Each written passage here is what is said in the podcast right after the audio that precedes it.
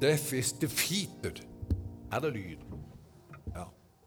Døden er beseiret. Kongen lever. Var det ikke, var det, ikke det vi sang nettopp? Det er noen som sier det at det, atmosfæren i en gudstjeneste burde ligne litt på atmosfæren i en garderobe etter at fotballaget har vunnet cupfinalen. Og jeg har litt sansen for det, for eh, når vi kommer sammen til gudstjeneste, så er det på Herrens dag, på oppstandelsesdagen. Døden er beseiret. Jesus lever. Og det setter tone og farge på hele livet, og også når vi kommer sammen. Og eh, I så henseende så er det et årstall som kan være fint å notere seg. Ligger noen ganske få år fram i tid. 2033. Det er et viktig årstall. Da er det 2000 år siden Jesus sto opp fra de døde, og det skal eh, feires over hele kloden. Jeg håper jeg lever da, altså, virkelig. Hva sier du, Torbjørn? Du er litt yngre enn meg, så du er i alle fall her, da får vi tro. 2033. Det blir fantastisk. Og eh, Det er kristenledere over hele verden som eh, sier at tiåret fram til 2033 det er evangeliseringens tiår. Eksempel Rick Warren han er en av dem som slår til lyd for dette, at eh, den neste tiårsperioden da må det være som aldri før et fokus på å vinne mennesker invitere til Jesus. Og Det er nødvendig. Og det er et kall, eh, ikke minst til oss som lever i den vestlige sivilisasjon. For den vestlige sivilisasjon, som Norge er en del av, Europa, Amerika, Australia sikkert også, det er en sivilisasjon i krise. Vi kjenner til fra historien at sivilisasjoner kommer og går. Romerriket kom og gikk. Ming-dynastiet. Det er mange andre sivilisasjoner også som har hatt en blomstringstid, og så har det falt sammen. Og Nå sier de som har greie på det, og en som jeg har lest litt av, som eh, er kunnskapsrik på dette feltet, han heter Oss Guinness. Og eh, Han sier det at eh, nå er det en sånn Han kaller det for civilizational moment. Altså Det er et sånt kriseøyeblikk for Vesten der vi står overfor tre alternativer. Det ene alternativet det er at vi vender tilbake til våre røtter. For den vestlige sivilisasjon, det kristne Vesten, har røtter i troen på Jesus, troen på Han som, stod, som døde på korset og sto opp fra de døde, det var det som skapte den vestlige sivilisasjonen, og ikke minst reformasjonen. Og de siste 500 årene er et produkt av troen på Guds ord og troen på Jesus. Men nå har den vestlige sivilisasjonen og Vestens mennesker vendt ryggen til Gud. Og eh, det har vært skjebnesvangert. Så vi må vende tilbake, sier han. Det er det ene alternativet. Vende tilbake til våre røtter, til troen på Jesus. Eller så må vi finne et tilsvarende kraftig alternativ for Vesten. Og den største konkurrenten til kristen tro i Vesten, vet du hva det er? Det er rett og slett sekularisme.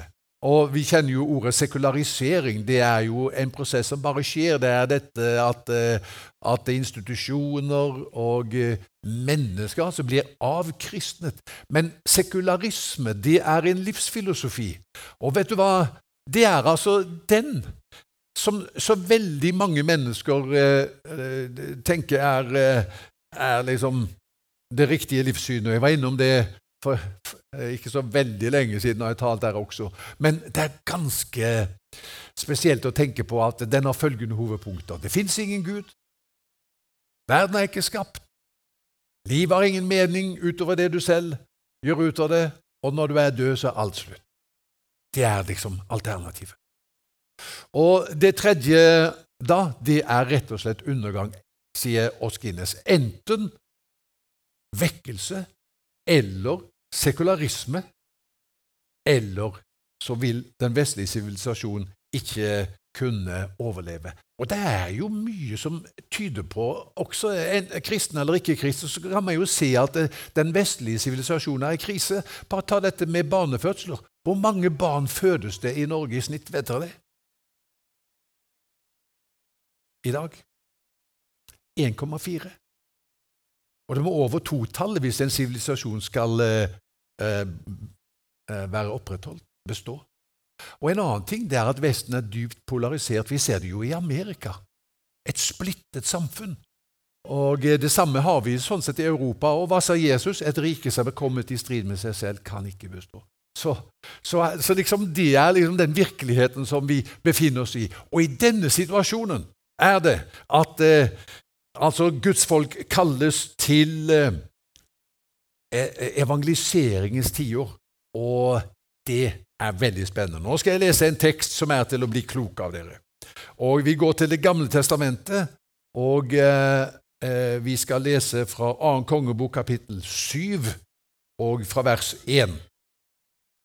Det er slik at Samaria har vært omringet av en fiendtlig hær av arameere, og Samaria opplever hungersnød og dyp fortvilelse og så er det at Guds ord lyder gjennom profeten Elisha fra 2. kongebok 7 vers 1. Da sa Elisha, hør Herrens ord. Så sier Herren, i morgen på denne tiden skal en sea fint mel selges for en sjekel ved byporten i Samaria, og to sea byggmel selges for én sjekel. En sea, det er åtte kilo og en sjekel er en sølvmunn. Så det betyr at nå sier han at Guds ord til denne eh, byen som er i hungersnød, er at nå skal det bli nok av mat til alle. Og så er det at eh, vers 2.: Kongens våpenbærer og beste støtte tok til orde og sa til gudsmannen:" Om så Herren laget luker i himmelen, kunne ikke dette skje. Elisha svarte, du skal få se det med egne øyne, men du får ikke spise av melet. Nå satt det ved byporten fire menn som led av en hudsykdom. De sa til hverandre, Hvorfor skal vi bli sittende her til vi dør? Sier vi at vi vil gå inn i byen, kommer vi til å dø, for der er det hungersnød. Blir vi sittende her, vil vi også dø. Kom, nå går vi over til arameernes leir. La de oss leve, berger vi livet. Dreper de oss, dør vi. Ja, det er jo sunt bondevett de gir uttrykk for her, vil jeg si. I skumringen brøt de opp for å dra til arameernes leir, men da de kom til utkanten av leiren, var det ingen der. Herren hadde latt arameerne få høre larmen av vogner og hester, larmen av en stor hær. Da sa de til hverandre, nå har Israels konge leid inn hetittkongene og egypterkongene for å overfalle oss. Så brøt de opp og flyktet i skumringen. De forlot teltene, hestene og eslene sine, hele leiren slik den lå, og flyktet for å berge livet. Da disse mennene med hudsykdom kom til utkanten av leiren, gikk de inn i et telt hvor de spiste og drakk. De tok med seg sølv, gull og klær og gikk bort og gjemte det.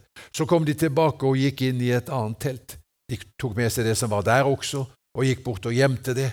Men så sa de til hverandre, det er ikke rett, det vi gjør nå. Dette er dagen for gode nyheter. Og det er overskriften over det jeg har tenkt å si i dag. Så når du kommer hjem og noen spør hva talte Ager om i dag, da han talte om dette, at uh, dette er dagen for gode nyheter. Ok?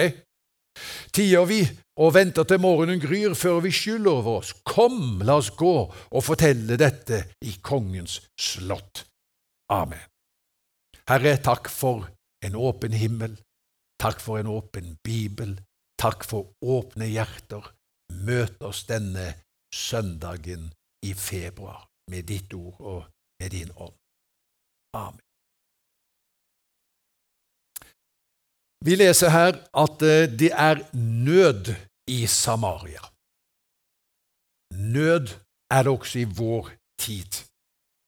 Ifølge tall fra 2023 så sier Statistisk sentralbyrå at 25,6% av befolkningen i Norge gir uttrykk for lav tilfredshet med livet. Det er en fjerdedel. For aldersgruppen 18 til 24 år er tallet over 30% nesten 31% Der har vi det. Lav tilfredshet med livet. Det er ganske mange, det. En fjerdedel, og i noen aldersgrupper altså nesten en tredjedel, som opplever det i verdens beste land å bo i, at de har lav tilfredshet med livet. I England så ble unge spurt i 2019 har livet mening.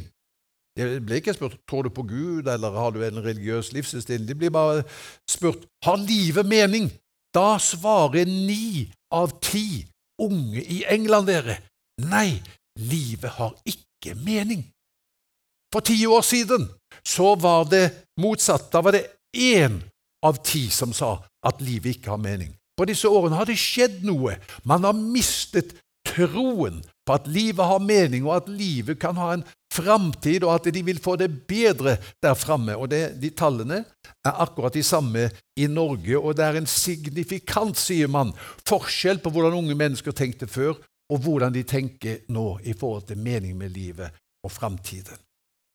En eh, sosiolog som heter Sigmund Baumann, Bente studerte eh, bl.a. Eh, denne boka som heter 'Globaliseringen og dens menneskelige konsekvenser', da hun studerte Det begynner å bli noen år siden, det òg, Bente. Det var vel før var det før vannflommen? Nei, det var ikke det. Men det begynner å bli noen år siden. Men jeg har akkurat lest den boka. Polsk jøde, sosiolog og filosof. Og han sier at han forundrer seg over den, den fascinasjon eller det faktum at eh, vår vestlige verden ikke får til å glemme beretningen om Titanic. Dette superskipet som sank i uh, møte med dette isfjellet. Og Han sier hva er grunnen til at den vestlige verden aldri kan glemme dette skipsforliset? Og da siterer jeg Zygmunt Baumann, som sier følgende Jo, dette treffer en nerve i den vestlige verden fordi, og jeg siterer, alle tror at det ligger et isfjell og venter, skjult et sted i den tåkete framtiden for oss. Dette kommer vi til å støte på, og så kommer vi til å gå ned for full musikk. Det er tidsånden, sier han. Det er stemningen der ute. Der, vi, der ute i tåkehavet er det et isfjell. Vi kommer til å kollidere med det og gå ned for full musikk. Og Han nevner mange forskjellige isfjell. Klimakrisen, eh, den kjernefysikerkrisen, krisen, den økonomiske krisen, krig Mange ting han nevner der. Og da, når jeg leser dette her, så tenker jeg ja, men vi vet bedre. Vi som tror på Jesus, vi som tror på Bibelen, vi som har møtt Jesus, vet jo det. Vi skal ikke gå ned for full musikk, skal vi det? Vi skal jo gå opp for full musikk, det er det vi skal gjøre. Fordi Jesus kommer tilbake, og han skal løfte alle som tror på ham, opp i skyene i luften. Så skal vi møte Jesus, og så skal det bli en ny himmel og en ny jord. Vi er håpets folk, vi som tror på Jesus. Og det det som Gud har gitt oss å forvalte, og som vi er bærere av, det må vi bringe ut til vår samtid, for der er det nød. De har ikke håp. Bibelen sier hvis du bygger livet ditt på en livsfilosofi som heter 'uten Gud', hva er det neste da? Uten håp. Det er hva Skriften sier. Uten Gud, uten håp. Men vi har møtt Jesus, og vi er håpets folk. Og Derfor så har vi noe som vi kan bringe videre, som er kjempeviktig. Så det er punkt én. Punkt to. I Samaria hørtes det to ulike stemmer. De samme stemmer høres i dag. Det var én stemme som sa, og det var Elisha, at eh, Gud skal skape forandring. Nå er det nød, men Gud kan mette behovene i, i denne veldige nøden som vi har i Samaria nå. Gud kan mette behovene og skape forandring i byen. Og så var det en annen stemme som sa det er helt umulig. Om Gud så laget luker i himmelen, kunne ikke dette skje. Jeg er så glad for at jeg tilhører et folk som sier vi tror på en Gud som kan lage luker i himmelen. Ikke sant? Vi tror på ham. Jeg hørte Arild Edvardsen si det en gang, at han som ny kristen så var det noen eh, velmenende eldre kristen som sa det kan ikke bli vekkelse i vår tid. Vi lever i de siste tider. Det kan ikke bli vekkelse når det gjelder bare å bevare stumpene, bevare restene. Så husker jeg Arild eh, sa det til oss, vi var noen unge evangelister som møtte han. Tenk om jeg hadde hørt! Tenk om jeg hadde trodd på dem! Det er ingen vits i å evangelisere. Det er ingen vits i å ha korstog og forkynne evangeliet med alle mulige måter. Så mange mennesker som da ikke hadde fått høre evangeliet, blitt frelst, om han trodde det. Jo, det er sant at i de siste tider skal det komme vanskelige tider. Det skal vi ikke stikke under en stol. Det står om et frafall, det står at kjærligheten skal bli kald hos de fleste, det står at urettferdigheten skal ta overhånd. Dette må vi være klar over, at i de siste tider det er preget av dette som jeg der beskriver. Men Bibelen forteller om et dobbeltspor i endens tid. Ja, Vanskelige tider, det er det ene sporet. Men det er et annet spor òg, for det står i Apostelens gjerninger kapittel 2. vet du. Dette skal skje i de siste dager, sier Herren. Jeg vil utøse av min ånd over alle mennesker. Sønner og døtre skal tale profetiske ord. Unge mennesker har syner, og gamle skal ha drømmer. Hørte du det? Gamle skal ha drømmer. Det er aldri for sent å begynne å drømme. Selv over treller og trellkvinner vil jeg de dager ut av sammen ånd, og de skal tale profetisk. Så det er et dobbeltspor i endens tid. Og når vi ser utover den vestlige verden og den vestlige sivilisasjonen i dag, og det ser mørkt ut, og det er en krisetid, så kan vi bare si det. Og du har hørt meg sitere G.C. Chesterton vet du, samtidig med C.S. Lewis. Han sa fem ganger er kristendommen blitt kastet til hundene. Og hver gang er det hundene som har dødd. Det er fint. Det tror vi på, for det er en sånn comeback-kraft i evangeliet og i troen på Jesus. Så det var punkt nummer to som vi kan lære herfra. Det er to røster. Og så er det et spørsmål hvilken røst vil, vil, du høre på. Ja, vi tror på Han som kan lage luker i himmelen. Og det var jo det som vi snart skal se skjedde da. Det tredje punktet Jeg har fire punkter. Det tredje punktet det er at hjelpen kom fra en uventet kant i Samaria. Det kan være tilfellet i dag også. For hvordan var det hjelpen kom? Den kom gjennom fire mennesker med en hudsykdom. Fire mennesker som var spedalske. Og de sa, som jeg stoppet og sa i stad, at eh, de sitter der utenfor byporten, og de var tydelige på det. Sitter vi her, så dør vi. Går vi inn til Samaria, så dør vi òg, for der er det ikke mat. Går vi til fiendene, så kan det hende at vi dør der òg. Men det kan også hende at de lar oss få leve. Så når de kalkulerer dette, her, så tenker de vi setter oss i bevegelse. Og så beveger de seg mot fienden. Og det var det som var i Guds plan. Så liksom, Om de hadde hørt hva Elisha hadde sagt eller ikke, det vet jeg ikke. Men i alle fall så setter de seg i bevegelse i retning av det som Gud har for dem. Fire spedalske menn skulle vise seg å utgjøre en forskjell på liv og død for Samaria. Og de som har studert, skal du høre, eh, sivilisasjoners eh, vekst og fall, de sier, f.eks. en som heter Arnold Toynbee, han sier at det, vært, det har alltid vært en skapende minoritet som har vært utslagsgivende. Det behøver ikke være så veldig mange. En liten, skapende minoritet kan bety en forskjell. At man når et tipping point, og så, og så får, tar utviklingen en annen retning. Fire spedalske menn skulle vise seg ha så stor innflytelse. Ja, men jeg er jo, jeg er jo ganske et vanlig enkelt menneske. Jeg har ikke så mye krefter og så mye innflytelse. Jeg er en, en enkel sjel. Men hvis du tenker at du er for liten til å ha innflytelse på omgivelsene, sier afrikanerne, da har du aldri tilbrakt en natt i samme rom som en mygg. Godt poeng. Den lille myggen har innflytelse og påvirker omgivelsene sine. Og sånn sier Bibelen at du er et menneske som kan ha, bare i den du er i deg selv, ha innflytelse. Absolutt. Men du har jo også med Gud å gjøre. Ikke sant? Du har jo med Gud å gjøre. Og når vi vandrer med Gud, så kan livet vårt telle og ha en innflytelse langt utover det som vi kunne forestille oss. Se hva som skjer her. Her er det fire spedalske menn som beveger seg mot fienden. Og lyden av fire sub... Det blir åtte, da. Åtte subbende føtter. Tassende føtter. Bortover, forsiktig, antar jeg de går.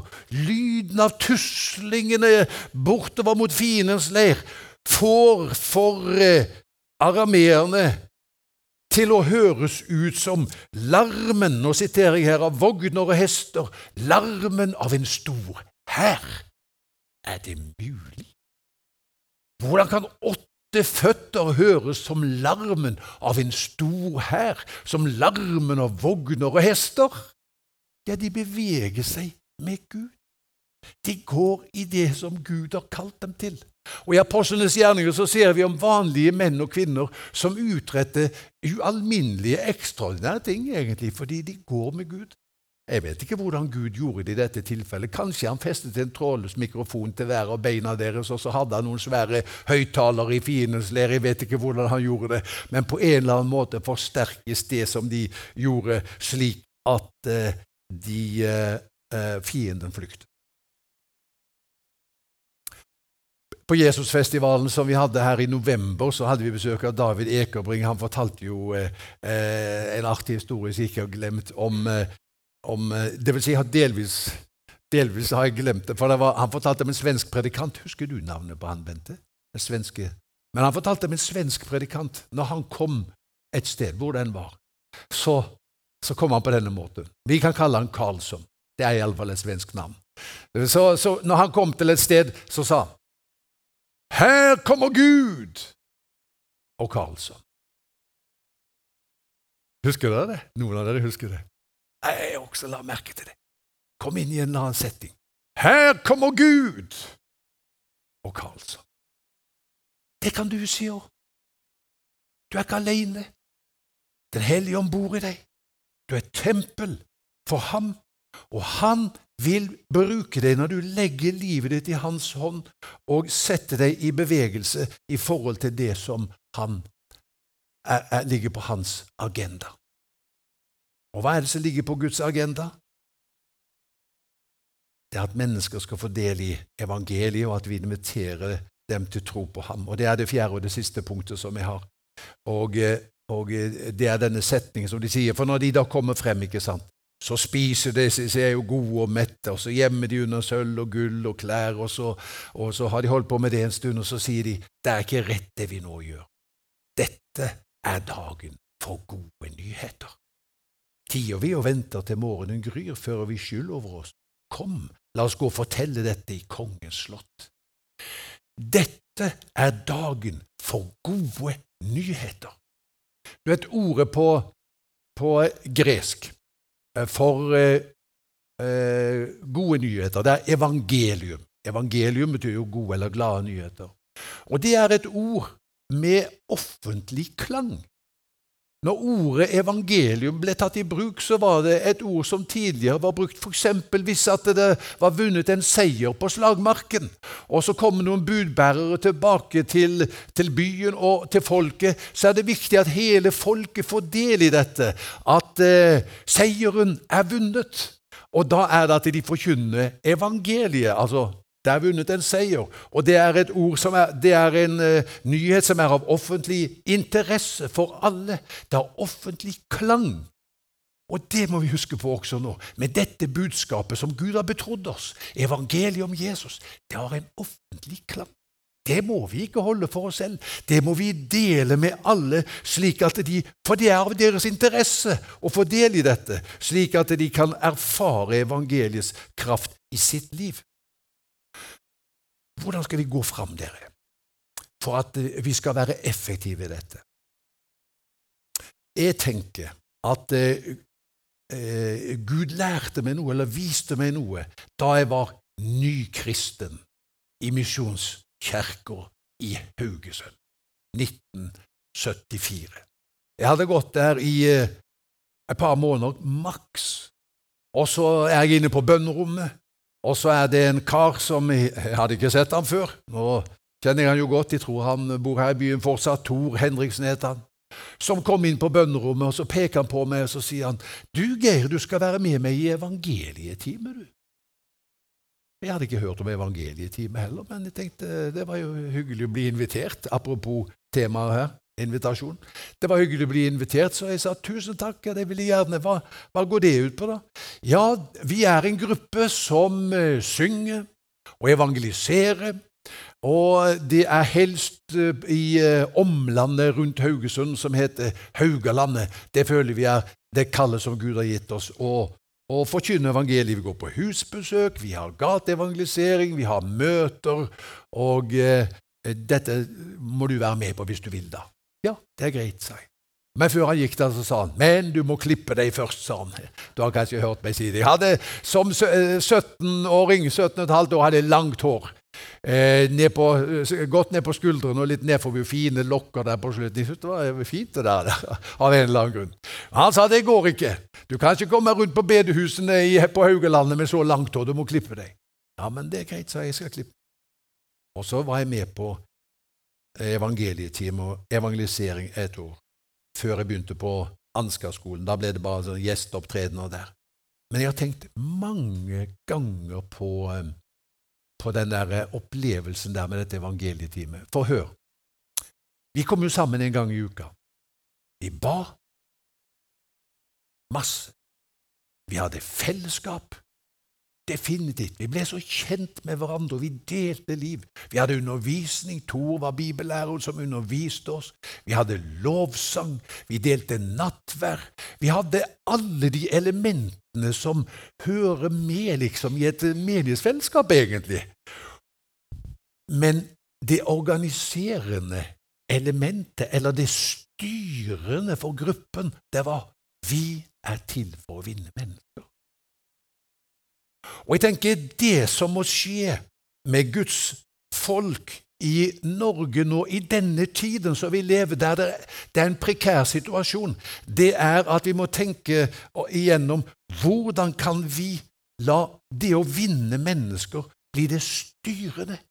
Og mens vi er involvert i misjonsoppdraget, så er alt det andre med også. Men dette må være det som er spissen og det avgjørende.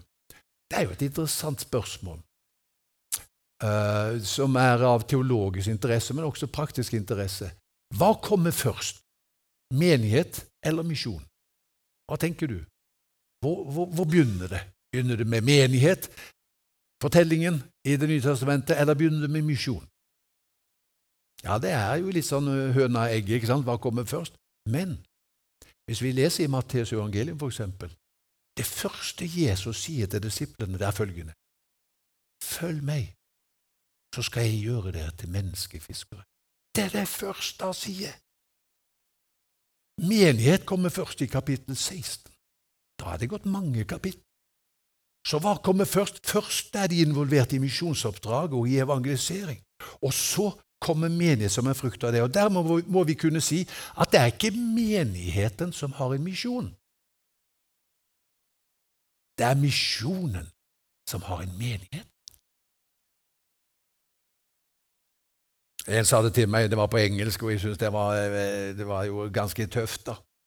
Men han sa det slik eh, You must die as a church and be reborn as a mission.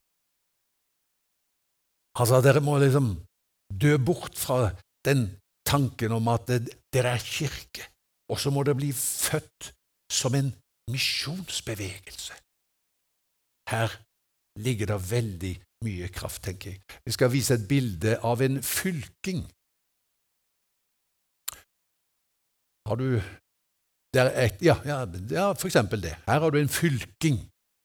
Dette, tror dere, Hva tror dere de gjør seg klar til? Er det kirkekaffe? Nei, jeg tror ikke heller det. De er ikke organisert for kirkekaffe. Det føler jeg meg ganske overbevist om. Det styrende prinsippet for dem det er har de fellesskap.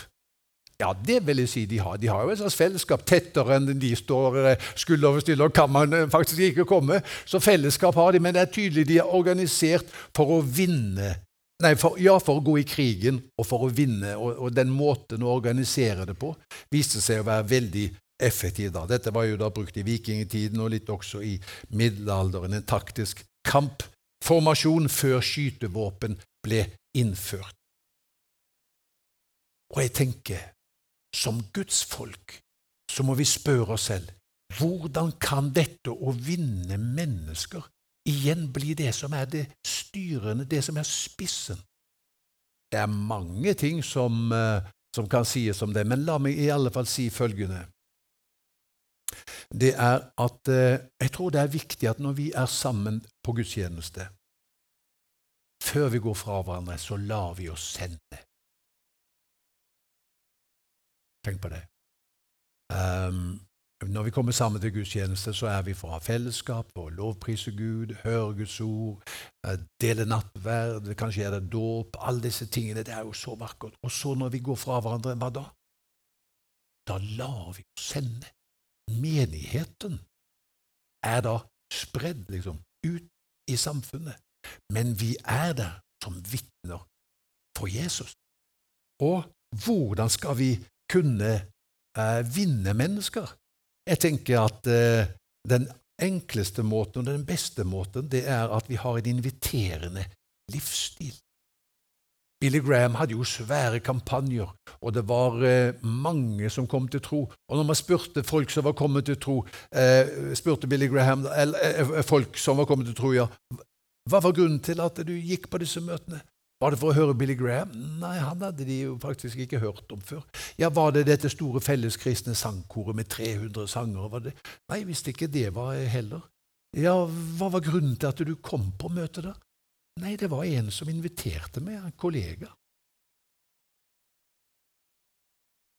Der. La seg sende. Hadde jeg hatt god tid, men det har jeg ikke når jeg ser på klokka, skulle jeg fortelle erfaringer opp gjennom årene på hva som kan skje når mennesker lar seg sende og går ut i hverdagen med dette for øye. Man kan be den bønnen. Gud, gi meg øyne til å se og nåde til å gripe hver anledning som du gir meg. Til å dele troen på Jesus og invitere mennesker til ham. Invitere dem med på, på møtet. Da kan store ting skje. Men kan vi ha håp Jeg vil avslutte med det, da. Du kan bare ta av det der bildet igjen. Kan vi ha håp om at det, at det folk vil høre? Altså, Jeg tror vi går inn i en tid nå som er veldig, veldig spennende, der vi skal få se mennesker komme. Jeg tror det. Men da må vi være på banen og invitere. Jeg, fortalt, jeg vet, husker ikke om jeg fortalte det her faktisk. Nå har jeg talt veldig mange steder i det siste, og jeg husker ikke alltid eh, hva sa jeg hvor. Men, men det er jo en fascinerende historie da, om John Hedlund, evangelisten i Sverige, riksevangelisten. Han har vært i vårt hjem. Uh, og uh, så er han på svensk TV i, i, i, barndomstiden til svensk TV og er gjest, og de snakker om uh, hans evangelisttjeneste. Og så spør programlederen John Tror du det svenske folk vil bli frelst? Ja, sa han. Det tror jeg av hele mitt hjerte. Ok, så sa programlederen, nå har vi et tverrsnitt av Sveriges befolkning foran oss her på oss i studio, de er gjester, og alle har en mentometerknapp. Husker dere mentometerknappen? Så da skal vi finne ut av dette her. Så programlederen snur seg til gjestene i studio og sier, vil dere bli frelst? De som vil bli frelst, trykker på den grønne knappen. De som ikke vil bli frelst, trykker på den røde. Det stemmes. Svarene kommer en gang opp på TV-skjermer over hele Sverige. Ingen ville bli frelst. Så sier programlederen til eh, John Hedlund, John, ja, jeg tenker du måste finne deg noe annet å gjøre. Så sier John, du har stilt feil spørsmål. Kan jeg få stille dem et spørsmål? Ja, vær så god. Ok, sa han. Jeg vil gjerne spørre gjestene Vil du ha visshet om tilgivelse? At din skyld er tatt bort? Ønsker du en kjærlighet som er mer enn noen kan fatte, en glede som ikke kan rommes i ord, en fred som overgår all forstand, et håp som strekker seg både liksom i, i tiden, men også inn i evigheten. Noe sånn som det, sa han. Vil du ha del i det? Det stemmes. Og da var det motsatt. Dette ville folk ha del i. Så er utfordringen for John, var utfordringen for John Hedlund, som den er for oss også i dag. Og det er også å si til mennesker du, kjærlighet har et navn. Det er Jesus. Du lengter etter kjærlighet. Kjærlighet har et navn. Det er Jesus. Du lengter etter tilgivelse. Tilgivelse har et navn. Det er Jesus.